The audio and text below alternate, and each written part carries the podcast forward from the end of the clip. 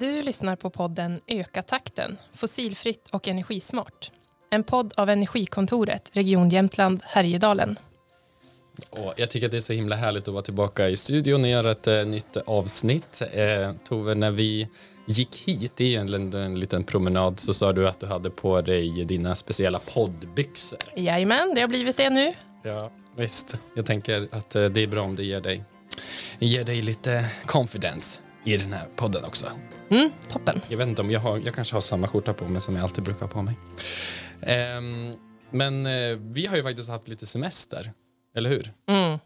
Så jag, Hur var, känner du dig utvilad efter semesterveckan? Eller hur? Ja, det är liksom lite pre- pre-vacation här. Ja, men vi var ju faktiskt och gjorde en timmekurs du och jag, så det känns kul att ha arbetat lite med händerna. Eh, innan vi nu går tillbaka till, det är ju mest dator vi håller på med annars. Så det är skönt, så jag känner att vi är ganska laddade för att köra den här podden och lite fler event eh, framöver. Vi ska ju både till Gäddede och eh, Krokom faktiskt ju. Ja. De kommande veckorna. Innan vi går på nästa sommarledighet. Ja. Så det blir kul att liksom gasa på in i det sista. Ja. Eh, som vi har varit inne i flera gånger i den här podden så har ju faktiskt försäljningen av elbilar det har ju verkligen tagit fart eh, och vi i Jämtland eh, ligger ju i topp när det gäller elbilarnas andel av den här nybilsförsäljningen. Det är ju väldigt kul. Eh, och man kan ju börja liksom fundera mycket på vad, vad det kan bero på egentligen. Mm. Jag har ju spånat lite och alltså, en elbil är ju egentligen en, en landsbygdsbil. Eh, så därför tänker jag att den passar bra här i Jämtland. Man, man har ett bilberoende och man eh, kanske kör lite längre sträckor också så att man tjänar in eh, att det blir billigare drivmedel med en elbil. Ja, precis. Och så var ju Östersunds kommun med Green Highway spetsen var ju ett projekt som man började 2010. Började man ju bygga laddinfrastruktur redan då. Så vi har verkligen gått i, i bräschen egentligen här i, i Jämtland. Ja, tidigt ute med laddinfrastruktur. Ja. Och sen har vi också våra norska grannar. De är ju också bra på, på elbilar. Så vi kanske drar lite nytta av dem eller drar med varann lite. Ja, precis. Vi kanske har inspirerats av dem, våra norska nabo. Ehm, men sen är det ju må- många andra som säger att vi är ju väldigt nyfikna och vågar testa nya tekniker här i Jämtland. Så vi får väl välja att tro på det, att vi vill ligga där i Ja, framkant. såklart.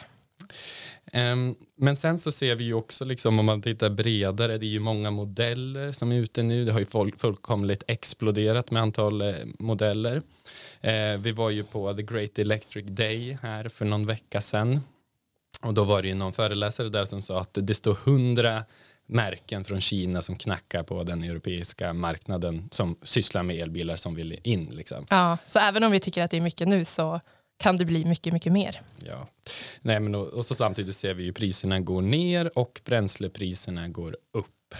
På Eh, andra drivmedel, ja. Ja, precis. Vilket gynnar. Ja. Men, sam, men samtidigt så har vi ju den här bristen på halvledare eh, och vi försöker återhämta oss eh, så gott vi kan efter pandemin och läget i Ukraina gör ju också att det kan ju bromsa den här um, utvecklingen lite grann. Ehm, men som sagt, även fast det, det, finns, ja, det finns utmaningar så finns det sånt som driver på men vi ser att försäljningen ökar. Men i och med att vi blir fler som kör elbilar på, på vägarna så behöver ju vi fler laddare och där ligger vi faktiskt efter i förhållande till bilförsäljningen. Mm. Det behöver byggas laddare. Ja, um, och tidigare har vi ju jobbat mycket med uh, alltså Sverige som uh, alltså på, på statlig nivå eller man ska säga att man har börjat uh, täcka in de här vita fläckarna. Eh, och det gör vi ju genom olika stöd. Eh, men nu har vi också kommit eh, att inse att vi måste ju också börja förtäta. Precis, man har jobbat med att det ska finnas laddning över hela landet eh, och nu måste man börja fokusera på att det måste finnas tillräckligt mycket laddning eller tillräckligt många laddare på de ställen där det passerar många bilar. Mm. Eh, vi hittade ju, det kom ju en, en EU-rapport, eh, ganska, ja det är kanske en månad sedan eller något sånt, eh, där de har konstaterat att vi måste öka utbyggnadstakten med tusen procent. Och det är ju väldigt svårt. att- Tusen procent! det är väldigt svårt jag tycker det är väldigt svårt att greppa Mm. eh, hur mycket det är. Det är liksom en laddare var 20 minut och det, ja, det känns ju ganska orealistiskt men det betyder ju också att vi har ett, ett enormt jobb eh, framför oss. Både branschen och eh, men också vi på Energikontoret såklart att fortsätta rådge för till de som vill installera laddare för det, det behövs. Precis. Och eh, det kostar också en hel del att installera eh, de här laddarna. Eh, och speciellt kanske snabbladdare, men även annan laddning kostar ju också. Eh, så det är tur att det finns lite bidrag och stöd och eh, söka för installation av laddare och det eh, tänkte vi prata om lite mer idag. Då. Ja, precis. Vi får ju väldigt många frågor till oss på Energikontoret om just bidrag, stödmöjligheter eh, och vi försöker som sagt svara så gott vi kan på alla de här frågorna och hjälpa så många som möjligt. Eh, men det finns ju de som är ännu bättre kanske än vi på det här och det är ju de som sysslar med det här. Så att vi har ju bjudit in en expert som vi väljer att kalla det på området, nämligen Stiva Livits som jobbar på Naturvårdsverket. Välkommen in! Tack så mycket. Vem, vem är du? Vad jobbar du med? Eh, jag jobbar som handläggare på Klimatklivet. Eh, och Klimatklivet känner ju många till. Det är ju ett investeringsstöd för eh, klimatåtgärder. Och den kan sökas i princip av alla förutom privatpersoner då och det är för att minska koldioxidutsläppen då. Så det kan handla allt från en sätta upp en laststolpe till att en biogastankstation eller en bonde som vill gå från eh, en lantbrukare som vill gå från en dieseldrift till eldrift och så vidare. Mm. Så att eh, även om vi har pratat mycket laddning, laddbara fordon just nu, så, så om man har andra idéer, eh, tolkar jag det rätt, då kan man ju eh, se, kan jag söka Klimatklivet om man är en företagare till exempel, en kommun, man har någon idé för att minska mm. utsläppen, så, så kanske man kan få stöd för det också. Ja, absolut. Ehm, det finns ju mycket att läsa på vår hemsida och det finns olika typer av åtgärder som man kan söka stöd för. Vilka är liksom era mest sökta åtgärder idag? Eh, förvånansvärt är ju laddstolparna faktiskt. Ja, eh, den eh, dominerar, ja. Precis. Mm.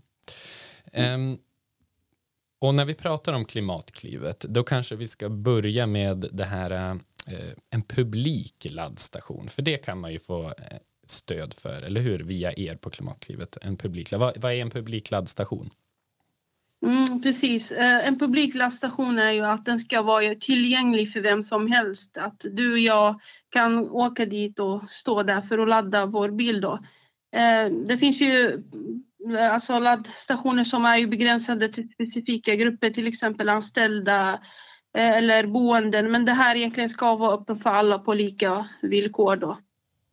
Just det, så det kan till exempel vara om man stannar på en restaurang och de har en laddare och man får använda den eller mm. en sån här snabb laddstation där man stannar och kan ladda med lite högre hastighet. Ja, precis. Att den är öppen för alla på lika villkor och att man tar samma pris och så vidare. Eh, hur, hur mycket stöd kan man få då för det, om man vill sätta upp eh, en laddstation? Ja, vi har ju gjort om vår ansökningsprocess lite på grund av de här EU-ändringarna då. Eh, förändringar och eh, nu kan man söka upp till 70 procent av investeringskostnaden. Eh, förut var det 50 procent. Det var ju där artikel, den gamla artikel 56 tillät då. Men nu eftersom vi har en ny artikel på plats då, 36a, och där har man möjlighet att söka upp till 70 procent av investeringskostnaden då.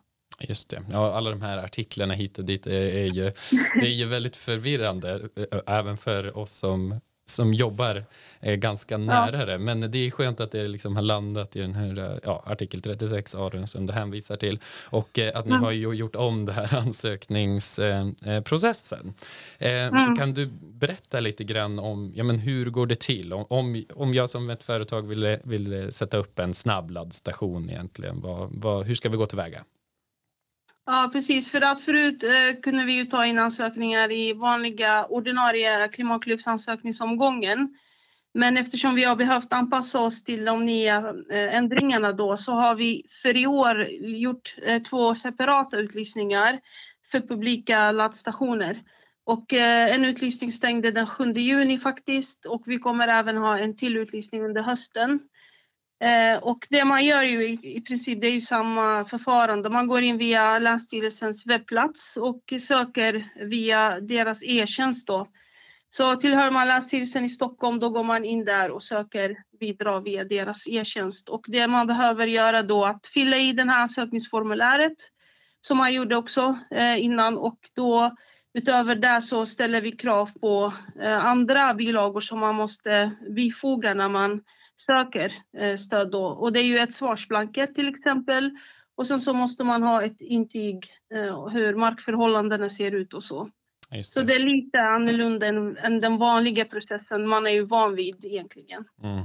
Men det är ju väldigt positivt att man har höjt stödandelen så man kan ju ändå få mer stöd än vad man kunde få tidigare. 70 procent är ju ganska, ganska mycket när man gör en sån här eh, in, investering. Har du, har du liksom något hum om vi pratar om de här eh, publika snabbladdstationerna, vad är, vad är en, en, en summa ungefär som en sån här ansökan brukar handla om? Ja, alltså, det beror på såklart hur många laddpunkter eh, stationen har och vilken effekt den ligger på. Eh, men säg mellan en halv miljon upp till en miljon då eh, ligger de på ungefär. Eh, och det beror såklart på vilken effekt den levererar och antalet laddpunkter den har då. Mm. Så söker man för en miljon och har möjlighet att söka 70 procent i stöd så blir det ganska ju bra för den som lämnar ett anbud. Men det är ju som är skillnaden här är att nu behöver man göra, ge stöd utifrån ett konkurrensutsatt anbudsförfarande. Just det, det, det eh, måste vi prata lite ja, mer om. Berätta. Det är ju en ny ja. process där med samråd till exempel. Hur, hur funkar det? Ja, precis. Förut kunde man liksom bara skicka en ansökan och sen så tittade vi på klimatnyttan och lönsamheten. Nu blir det annorlunda i och med de här ändringarna då. Eh, och det är ju artikel 36a som egentligen säger att, eh, att vi behöver ge stöd utifrån en transparent och lika behandlingssätt. Att då måste vi sätta kriterierna och att vi också behöver eh, anpassa stödet utifrån marknadsbehov. Och där innebär det då att vi behöver göra antingen ett oberoende marknadsundersökning eh, eller så gör vi ett offentligt öppet samråd då och det innebär ju då att vi tar in inspel från marknaden då. Och det gör vi inför varje utlysning. Och det är det som vi kallar det här samrådet då? Ja, exakt. Och syftet med den är egentligen att få in spel eh, på de platserna som är till exempel stängda för en utlysning. Det kan vara en plats eh, som ligger bra strategiskt och där det kommer till exempel inspel från aktörer eller länsstyrelsen som säger eh, den här platsen är väldigt trafikerad och det behövs eh, fler laddpunkter eftersom vi ser ju att det bildas köer. Då kan vi eh, ha möjlighet att öppna upp den här platsen för utlysningen till exempel. Mm, så. så att det blir möjligt att söka stöd. Men det finns liksom en... Eh, jag tänker om man då som företag funderar på om man kan söka stöd, då finns det en karta som man i första hand kan titta på. Och om man inte mm. finns med där, då är det aktuellt med det här samrådet. Ja, precis. Jag kan ju bara säga kort att vi har ju delat upp den här utlysningen i fyra kategorier. Eh, och jag kan eh, nämna dem lite kort för att det ska bli lite tydligare då. Mm. Alltså, de här kategorierna det är ju dels är snabbladdning för tunga fordon. Dels är ju snabbladdning då. Och sen så har vi DC snabbladdning för personbilar längs de större vägarna. Det är kategori nummer två. Sen har vi den tredje, då är det DC-laddning för personbilar inom tätorter. Och sen så har vi AC-laddning för lätta fordon eh, i tätorter och vid knutpunkter och slutdestinationer. Mm. Eh, och det är egentligen de fyra kategorierna man ska söka till. Och för varje kategori så finns det ska-kriterier som alla anbuden behöver uppfylla. Och de här ska-kriterierna handlar bland annat om effekter, det kan vara antalet laddpunkter. Vi ställer ju sådana krav nu. Mm. Och sen så finns det meriterade kriterier som eh, behöver nödvändigtvis inte uppfyllas men man kan ju få eh, någon slags prisrabatt på om man fyller till exempel eller två kriterier och så vidare. Så så ser uppdelningen ut och baserat på den kategori man är intresserad av att söka så lämnar man ett anbud eh, och sen så måste man fylla de ska-kraven och sen värderar vi anbudet utifrån antalet sökande som också lämnat anbud eh, inom samma kategori då. För till exempel för eh, DC snabbladdning för lätta fordon inom eh, tätorter så behöver vi se till om det till exempel två aktörer lämnar anbud på ett och samma ställe då kommer de här kunna konkurrera mot varandra då utifrån de kriterierna vi har ställt. Och då är det det anbudet som är mest kostnadseffektivt som kommer få det stödet då. Det, när jag ser kostnadseffektivt då handlar det om sökt belopp i, i relation till antalet laddpunkter eh, och effekten på dessa då som vi värderar efter. Och hur vi värderar står ju på vår hemsida. Där kan man eh, titta på exempel till, eh, och så, så att det blir mer förståeligt för den som söker. Då. Just det, men de här meriterande kriterierna, då blir det liksom en, en prisrabatt hos er, eller man ska säga, så det är egentligen i konkurrens med andra. Mm, Ni precis. tittar på dem. Mm. Ja, vi kan ju... precis. Ja, jag tänkte vi kan ju också nämna Tove, vi har ju varit lite involverade i just det här, eh, alltså hur viktigt det är ändå att eh, hålla koll på, ja, men de här områdena lite grann som du pratar om, är jag inom ett sånt här område som kan, man kan söka stöd för? för vi hade ju en som kontaktade oss som insåg, som jättegärna ville sätta upp eh, eh, laddning, men insåg att nej, men jag är ju inte inom den här de här, de här kartorna, liksom. min ort är inte utpekad. Liksom. Mm. Och då eh, var det ju väldigt bra att han eh, Alltså det, det kom in så pass tidigt så att han kunde vara med i det här samrådet och lämna in liksom synpunkter till Länsstyrelsen och så kom ju faktiskt den orten med i den här eh, i, när det väl blev utlysning och då kunde ju han söka. Nu vet vi inte om, om det blir beviljat såklart, det är ju som du säger i konkurrens, men det, det är viktigt att hålla, hålla koll på det här då. Och, men det finns också möjlighet att påverka om man inte är med. Det är ju väldigt positivt. Precis.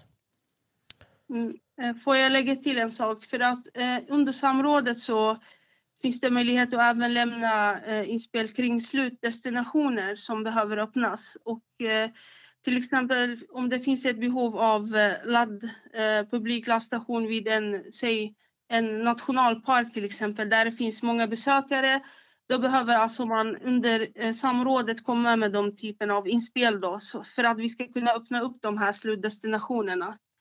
Um, annars ligger de som stängda. Uh, men det är ju därför vi, vi, har ju det här samrådet att få in sådana typer av inspel och för att kunna, kunna öppna upp slutdestinationerna. Då. Just det. Precis. det har ju varit en uh, ansökningsomgång ganska nyligen nu, men det kommer vara en till mm. i, i slutet av sommaren eller i början på hösten. Vad är det för datum som är viktiga att hålla koll på där, tänker jag? Uh, I första hand samrådet ja. och sen ansökningsperioden. Ja, precis. Vi kommer ju öppna upp en utlysning under hösten och det är ju den 26 september den kommer öppna. Och inför det så eh, kommer vi då ha eh, samråd. Eh, och samrådet är planerade just nu den 23 augusti till och med den 2 september.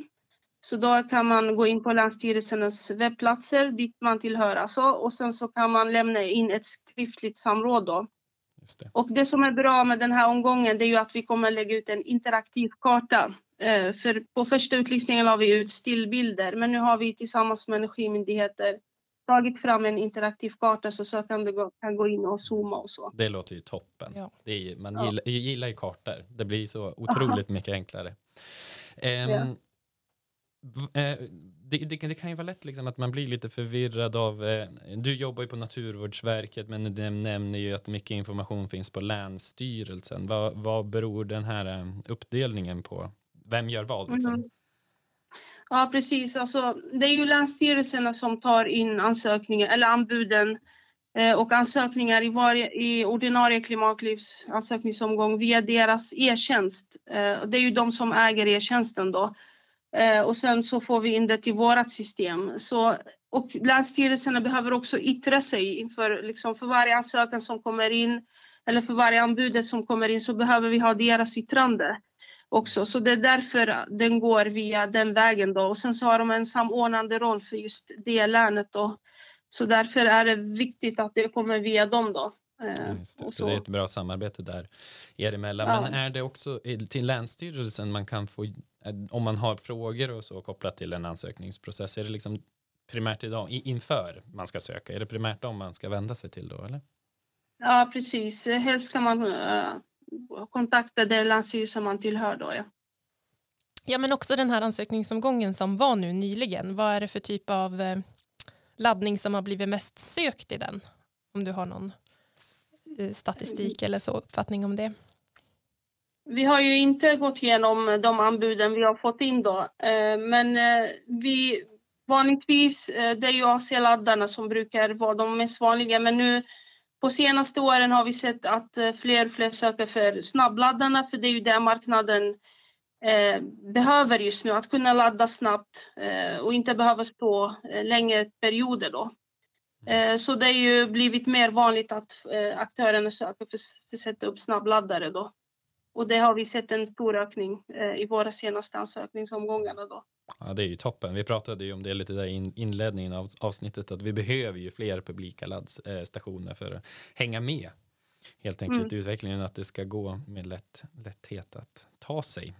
Eh, nu har alla de här, oavsett om de var långsamma eller, eller snabba, så har vi pratat om publika laddstationer.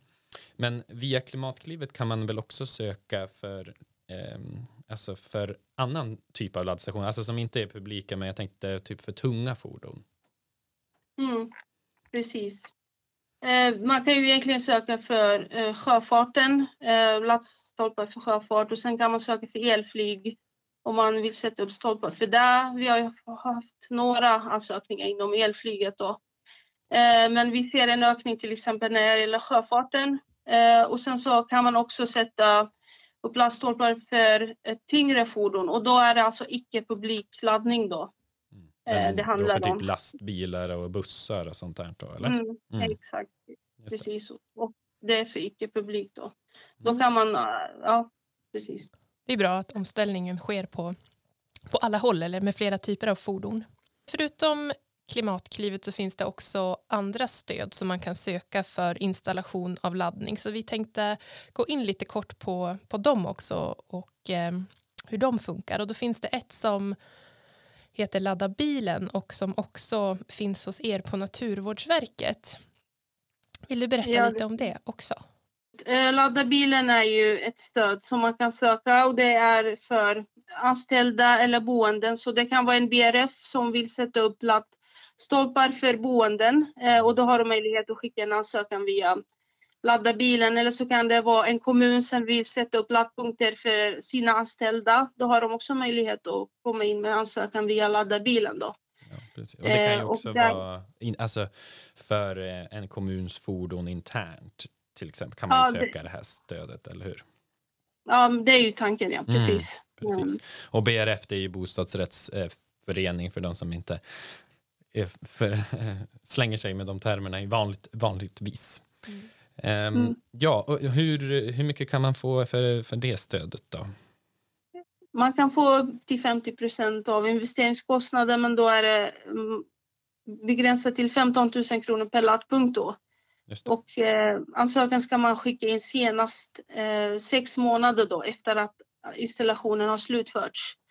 Eh, och man behöver inte förhålla sig till några ansökningsperioder eller så, utan det är ju öppet och icke löpande då.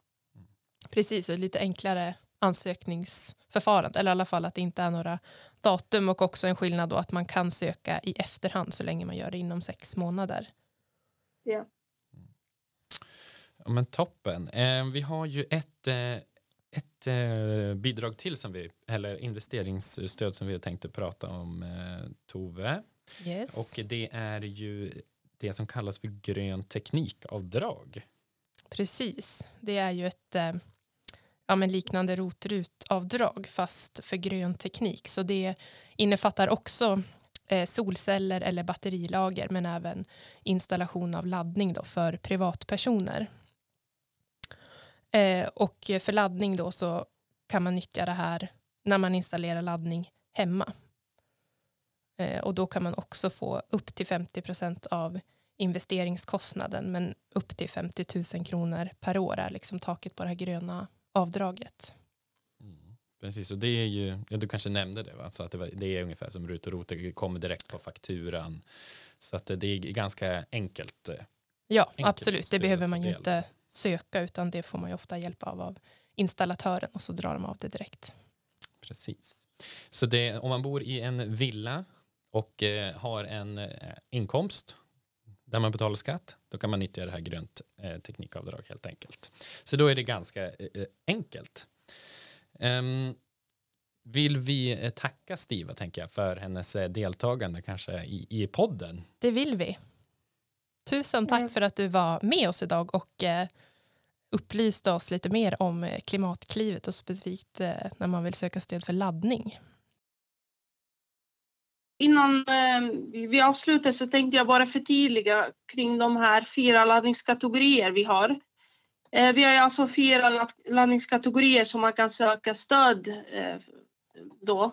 Och det är ju som jag, jag sa ju att det var personbilar, men det egentligen är det lätta fordon som gäller. Och då är det inte bara begränsat till personbilar utan det gäller ju lätta fordon. Precis, typ, typ budbilar, lite lättare skåpbilar eller ja, typ sådana fordon. Ja. ja, just det. Det är jättebra ja. för ditt projekt eh, Tove, så du som du håller på med laddbara, laddbara transportbilar. Precis, man kan söka stöd för dem också. Mm. Eh, och, ja.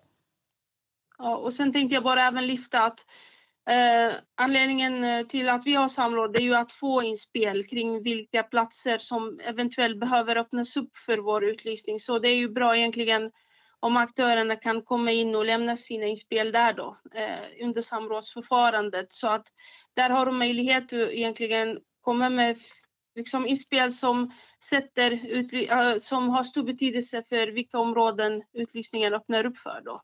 Precis, och en eh. uppmuntran egentligen till, till alla som ja. kan att lämna in ett samråd om man vet en plats där det skulle behövas mer laddning. Mm, precis. Ja, det är fint. Eh, men eh, tack så mycket då, eh, Stiva. Och du får ha fortsatt eh, trevlig dag, men också en sommarsemester som jag hoppas kommer för dig snart. Ja, tack för att jag fick vara med. Mm. Ja, tusen ja, tack. Hej då. Hej då. Hej, hej. Jag tänker Tove, innan vi tar semester och innan det här poddavsnittet är slut så kan vi väl summera lite grann. Det var mycket information. Vad, vad har vi lärt oss? Eh, ja du, bra idé. Vi har ju lärt oss att eh, Klimatklivet kan ge stöd för installation av publik laddning, både snabbladdning och eh, den lite mer långsamma laddningen. Mm. Och där var det ju viktigt med samrådet, hålla koll på det. Kan du bara ta igen Tove, vilka datum är det vi ska hålla koll på? Eller våra företag, organisationer, kommuner? Precis, det är ju lite olika datum, men för det här samrådet då som är superviktigt för att kunna vara med sen i, i anbudsförfarandet så behöver man kanske lämna in ett, ett samråd och då är det 23 augusti till 2 september eh, när det är möjligt att göra det. Då. Just det, och själva när man söker om medlen var? Det är lite senare, så 26 september till 7 oktober. Och här fanns det ju mycket mer information både på Naturvårdsverkets hemsida men också respektive länsstyrelses hemsida. Så man vet att man har sin verksamhet i Jämtland så går man in på Jämtlands länsstyrelse. Precis. Hemsida. Exakt, och sen så hade vi de två andra stöden. Ja, ladda bilen som eh, man kan söka för boende och anställda. Alltså till exempel eh, om man äger ett flerbostadshus, är en bostadsrättsförening eller ett företag som vill erbjuda laddning till anställda eller för sina tjänstebilar. Mm. Och så är det, det, grön, ett, det gröna teknikavdraget är ganska rätt fram. Det är för privatpersoner, fungerar som RUT och ROT, får avdrag direkt på fakturan, 50 procent. Precis. Mm. Eh, man är alltid välkommen att eh, prata med oss om man har tankar och funderingar kring eh, laddinfrastruktur och elfordon och även massa andra frågor. Men så att eh, om man har, går i tankar eh, kring detta så är det bara att kontakta oss. Och hur gör man det då enklast Tove?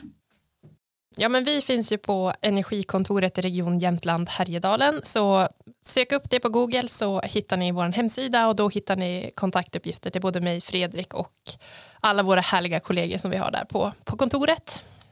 Enkelt. Det här avsnittet har finansierats av Europeiska regionala utvecklingsfonden, Länsstyrelsen i Jämtland och Västernorrlands län, Region Västernorrland och Region Jämtland Härjedalen. Och eh, med det så vill vi tacka eh, för att ni har lyssnat på oss idag. Så på återseende. Du menar väl på återhörande, Fredrik? Eh, ja, helt korrekt.